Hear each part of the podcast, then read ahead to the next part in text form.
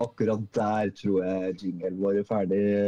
Velkommen til Pod of Pols. Vi sitter fortsatt hver for oss. Jeg ser eh, ikke ansiktet til verken eh, min gode kollega Odd eller vår eh, dyktige produser og spesielt Jonas, men jeg kan vel kanskje høre deg, om. Hvordan har du det? Nei, jeg har det fint. Vi hadde jo en ny oppfinnelse i går, vi to. Vi hadde felles hjemmekontor.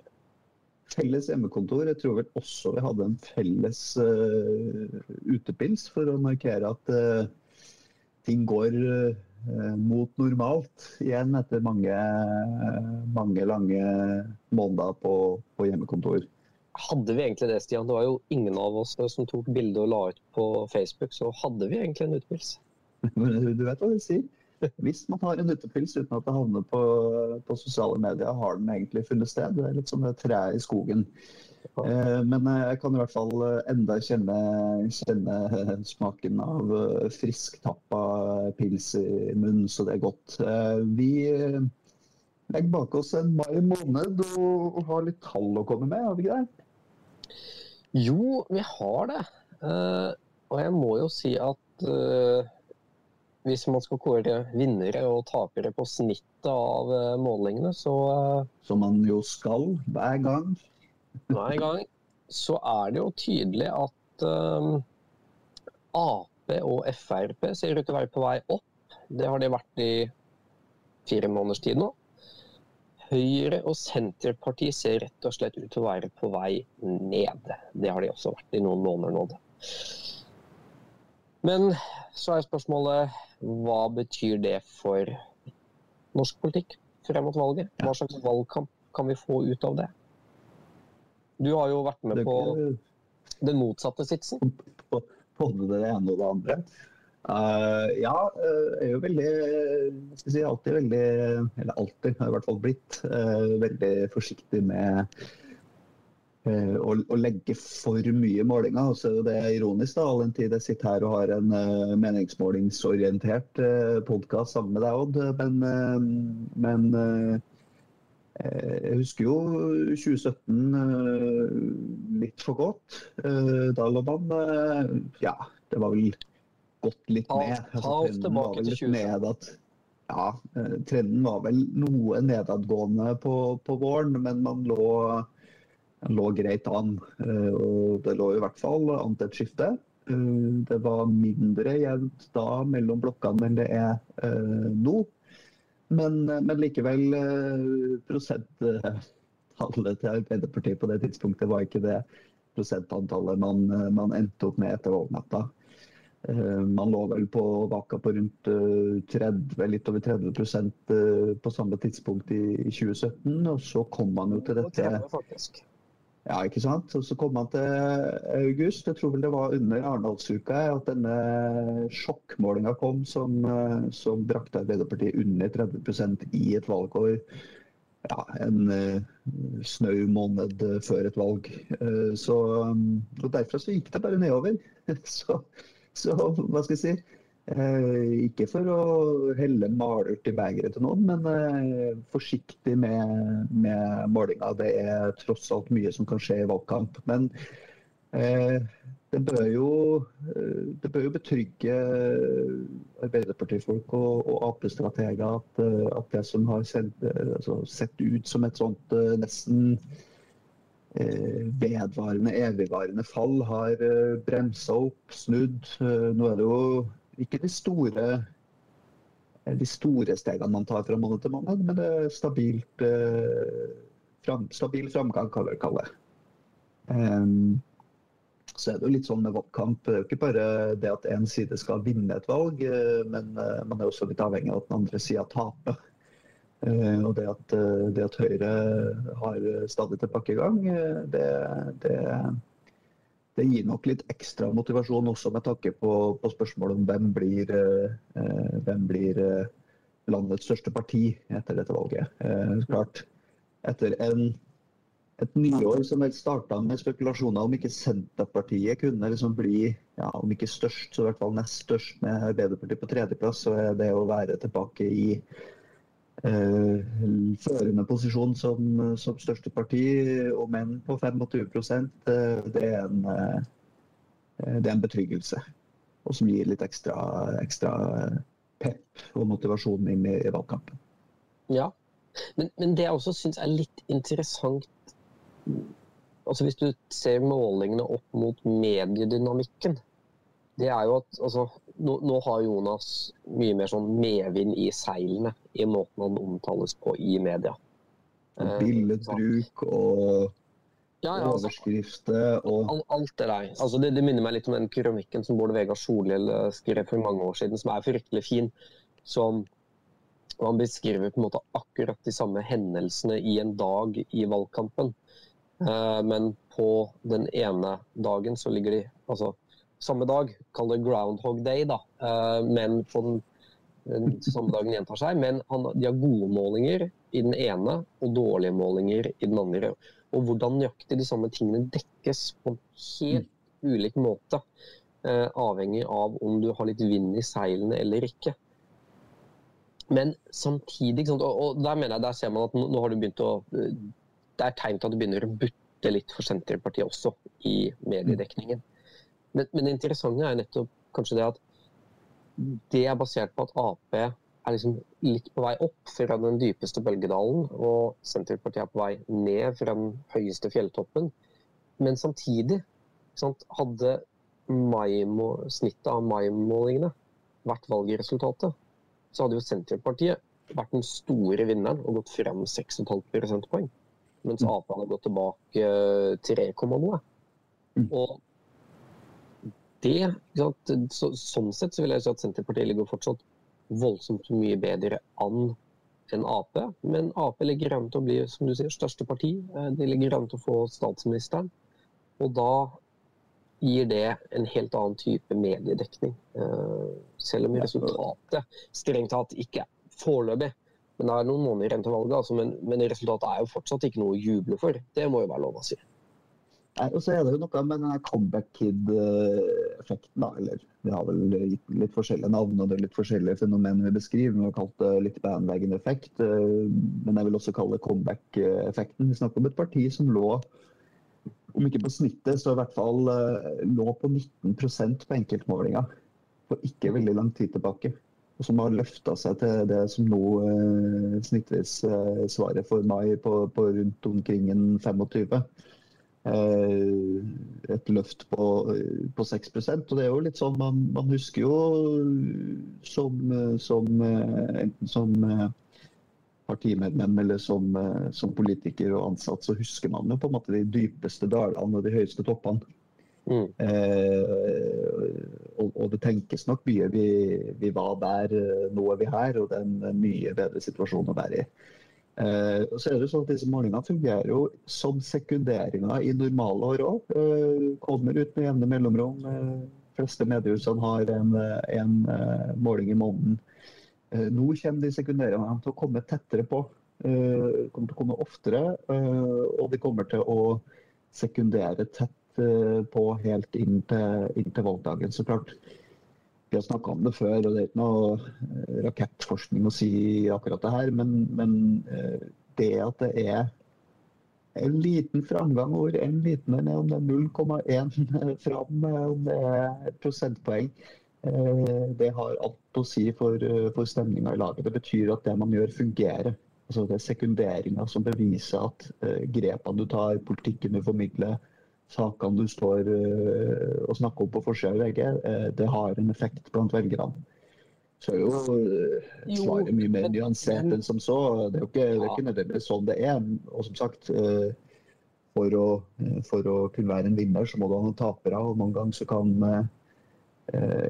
kan det, å, det, å, ha en, en utpekt taper være vel så viktig som at du, du selv vinner den politiske debatten. For det er klart, det er jo ikke alltid uh, Målingene tolkes nok veldig mye, som du sier, da, internt i partier hvor det går riktig uh, vei. Så, så, tolkes de nok på den måten uh, du sier nå, helt, helt enig i det. Men, men realiteten er jo mye mer sammensatt. og kan jo vel så ofte være til resultat av at noen andre gjør en dårlig jobb, mer enn av at du gjør en god jobb. Ikke sant? Det, det jeg mener med vinner-taper-dynamikken. Mm. Klart, uh, Høyre og Det- det- det er Arbeiderpartiet er, er hovedkonkurrenter. Men, altså, men jeg, jeg gikk tilbake og titta litt på målingene i mai, eh, eller snittet av målingene i mai 2017. Mm. Fordi liksom Valgår etc.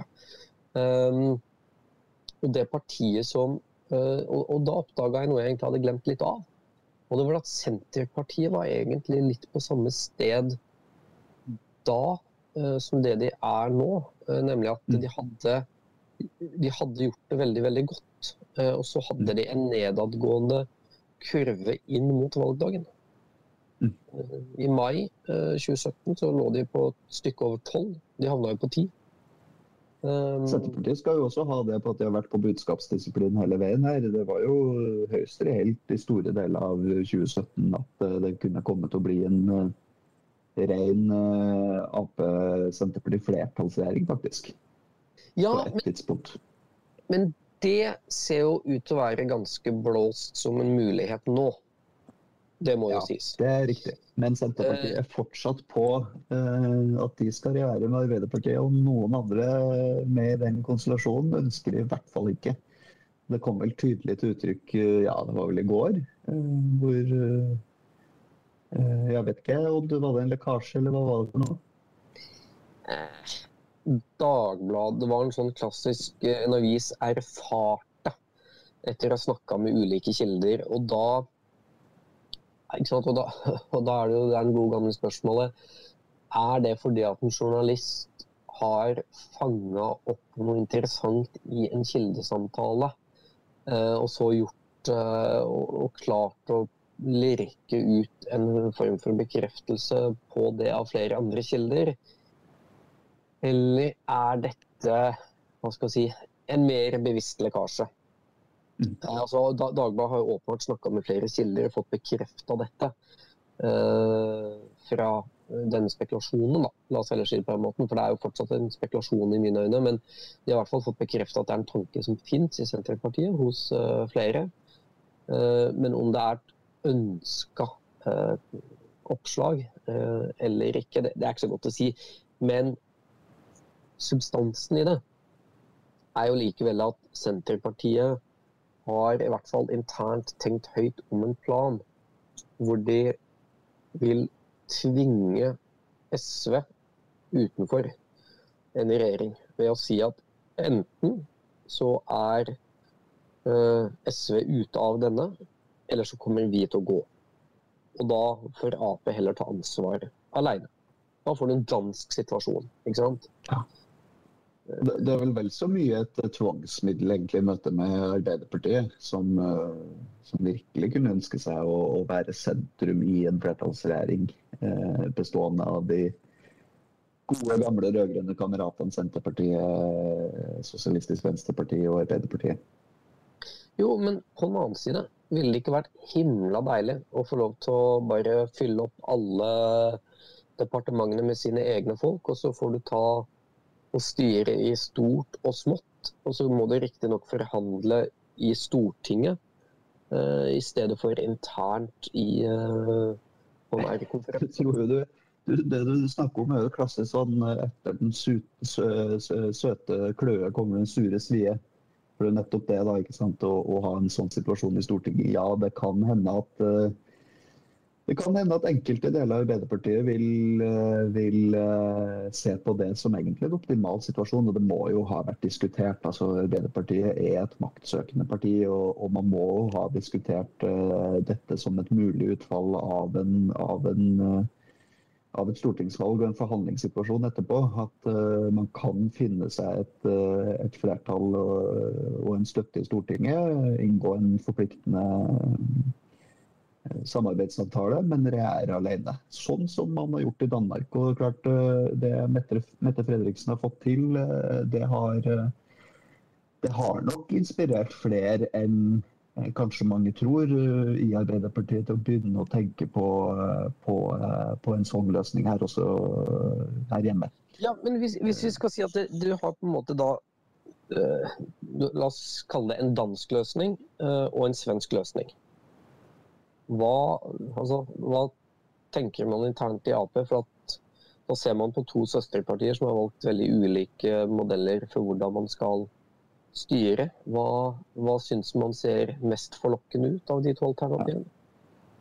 Så tror jeg nok det er vanskelig å gjøre en sånn eh, ordentlig eh, komparativ analyse av to land med ganske forskjellig utgangspunkt. Eh, men, men, men det er klart, det har ikke noe dans på rosa for Stefan Löfven å sitte, sitte sammen med de gamle alliansen-partiene i, i, en sånn veldig vaklevoren regjering hvor han gang på gang må, må, må godta å gå på nederlag eh, for egen eh, primærpolitikk.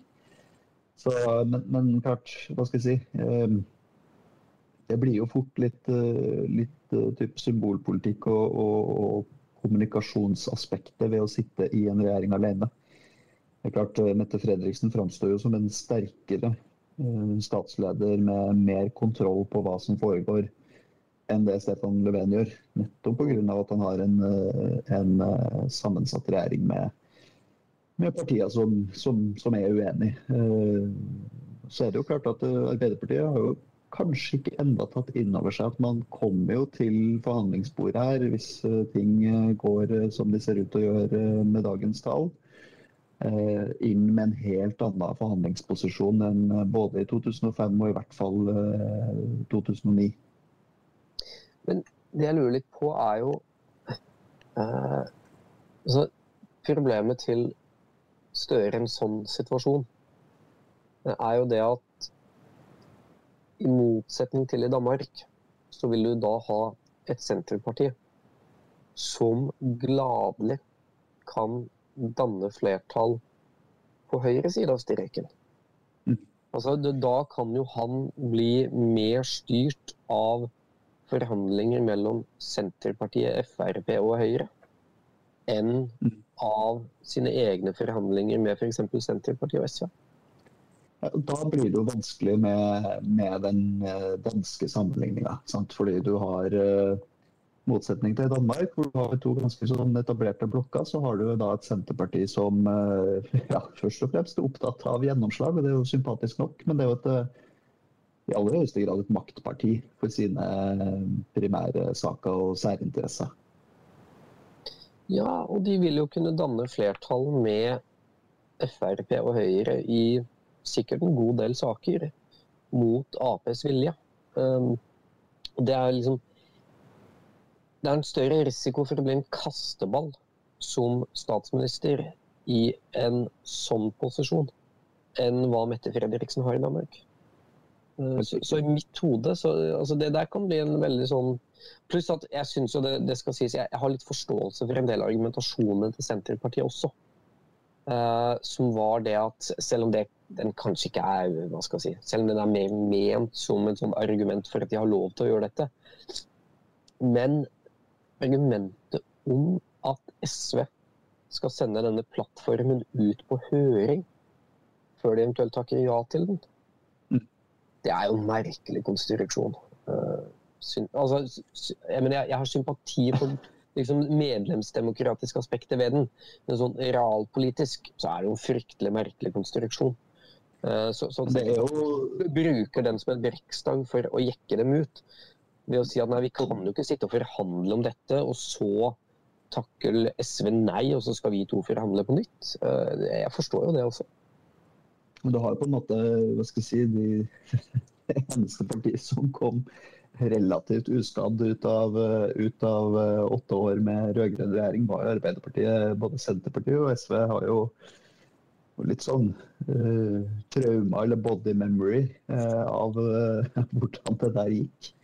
Det er klart For, for SV-ledelsen å å kunne sende noe ut på høring og i hvert fall forankre Eh, en sånn plattform eh, hos egen medlemsmasse for å kunne ved senere anledning si dette, dette var dere klar over, dette var det vi gikk inn i med åpne øyne og full, eh, full tilstedeværelse.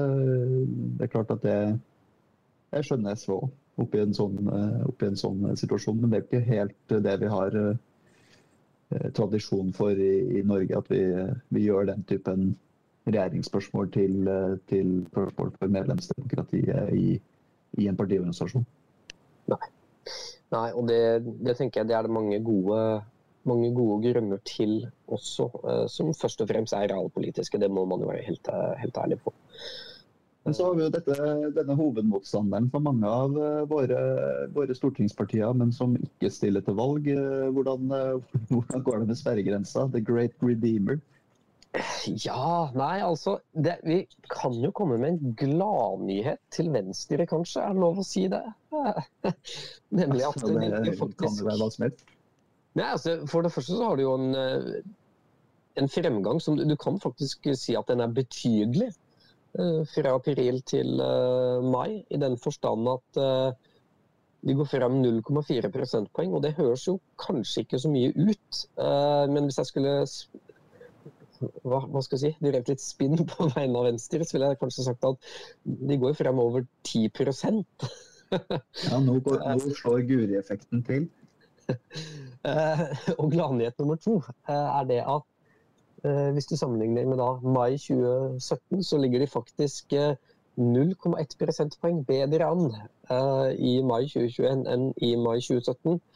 Og som kjent, den gangen klarte de jo sperregrensa til slutt. Eh, så eh, for Venstre så ja. Hvis vi skal si at vi har en liten solskinnsdag eh, etter at maimålingen er gjort opp, så må vi nesten kunne tillate oss det. Så er det jo spørsmålet MDG, MDG og Rødt er jo også litt interessant, fordi MDG er jo, ser ut til å være på en litt nedadgående trend. De er på 4,1 i mai, som og de var på 4,3 i april. Litt, og, og, sånn har det vært altså en, en liten stund, at det går liksom tilsynelatende litt nedover. Og Rødt er jo heller ikke sånn høyt langt unna sperregrensen, de heller. Uh, de er på 4,3. Og faren for begge de to partiene, som vi vel har vært inne på før, er det at det jo, har jo generelt vært en tendens til at de gjør det bedre på målingene enn på valgdagen. Så det skal lite til uh, for at de bikker under. Men den dårlige nyheten for borgerlig side er det at altså, om du hadde justert ned Rødt og MDG sånn til at de lå rett under sperregrensa, og KrF og Venstre til at de lå rett over, så hadde det jo fortsatt vært et rød-grønt flertall. Gir det motivasjon, da? Så er det, er det Merker du noe, hører du noe gjennom Jungeltelegrafen? Er det sultne partier som er klare på å gi jernet, egentlig? En litt annen valgkampsituasjon eh, gitt eh, denne pandemien som vi fortsatt står i? Er, det, er, det, er folk motiverte til å slåss for eh, fire nye år? Altså, det, er en, altså, det er nettopp hele denne pandemisituasjonen er jo en betydelig X-faktor. Uh, altså, hittil så har det vært en sånn jeg vet ikke om jeg skal gå så langt som å kalle det en korrelasjon engang. Men det har jo sett ut som om Høyre har en tendens til å gå opp på målingene når smittetallene har gått opp. Eh, og så ser det ut som om de er på vei litt ned nå som smittetallene er på vei ned. Men det som likevel er en X-faktor, er at nå skal du gjennom en sommer som mange kanskje opplever som fryktelig fin. I den forstand at liksom eh, Norge åpner igjen. Eh, og folk kommer til å komme tilbake til jobb. Det kommer til å være veldig mange positive nyheter.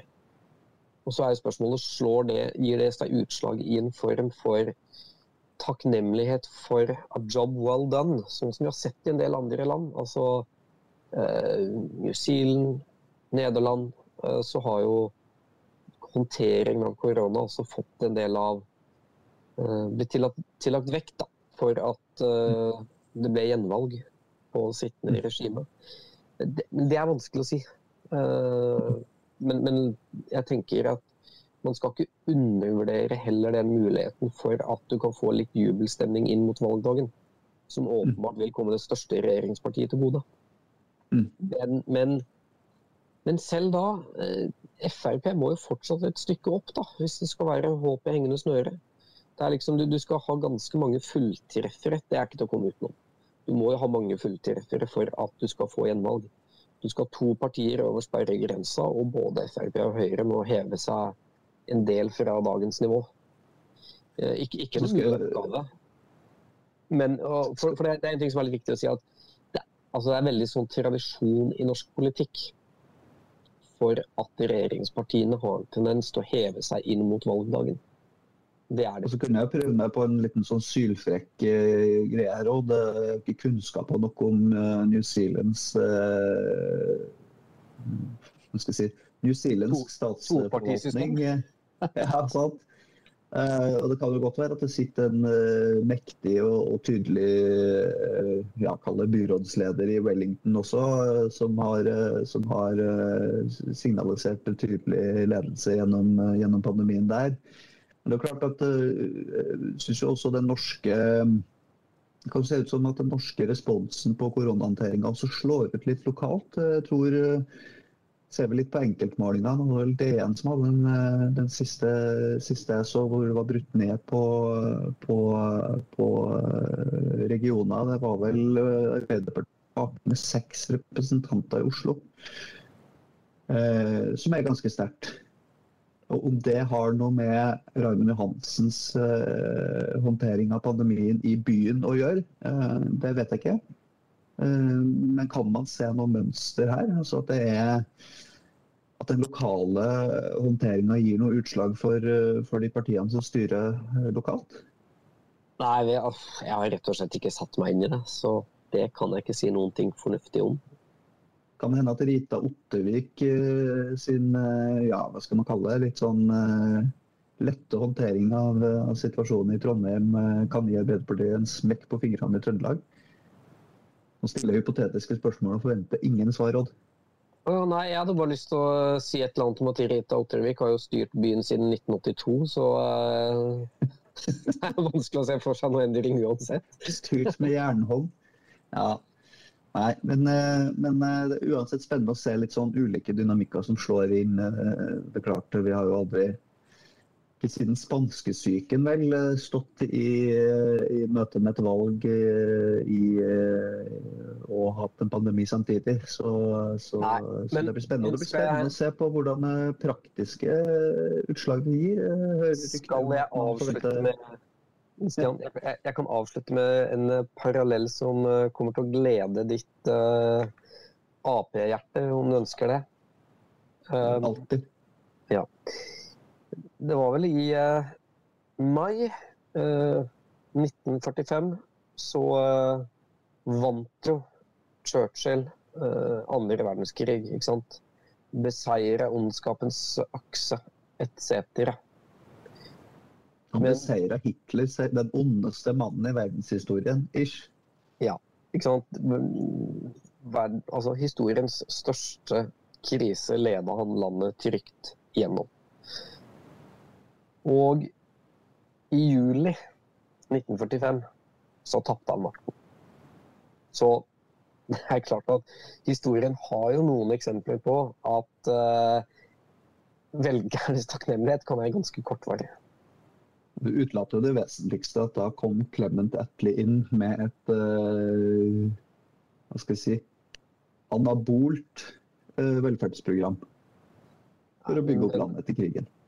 Så det er det som er litt så spørsmålet. Hvem binder historien om gjenoppbygninga etter pandemien? Den tror jeg Det tror jeg faktisk er en veldig dårlig story for Ap å skulle basere seg på. Fordi jeg Altså allerede er vi under 100 000 helt arbeidsledige. Eh, altså de tallene her kommer bare til å gå eh, Altså ledighetstallene kommer til å synke drastisk nå fremover. Ja, det, alle, alle, jo, nei, men altså Alle makrotegn i økonomien inn mot valgdagen kommer til å være kjempegode nå. Ja, ja. Og eh, økonomi er viktig, men eh, det, du avslører selv som høyremann som vet prisen på alt og ikke verdien av noe av. Nok en gang. Det er klart det er jo andre typer Noen vil si at det er andre typer eh, velferdsoppgaver som må, som må løftes i, i kjølvannet av pandemien. Og ettervirkninger og senvirkninger. Men, som, men, men i all ærlighet, Stian eh, å sammenligne Jonas Gahr Støres løfter om litt bitt bedre barnehagedekning enn i dag med en sosial gjenoppbygging av England etter andre verdenskrig er Det blir litt som å sammenligne Erna Solberg og Churchill, blir det ikke det? Nei, eh, fordi den ene er jo veldig god, og den andre er veldig dårlig. eh, sammenligning. Ja. Vi får uh, igjen enes uh, om å være uenige. Vi, vi merker jo på temperaturen i denne podkasten at, at det drar seg mot valg. Uh, vi har funnet fram hjelmene og spadene og er klart å grave oss ned i skyttergraven. Skal vi lobbe noen sånne retoriske granater mot hverandre i, i månedene som kommer. Og så, så blir det spennende. Hva er det vi pleier å si? Den som måler, får se.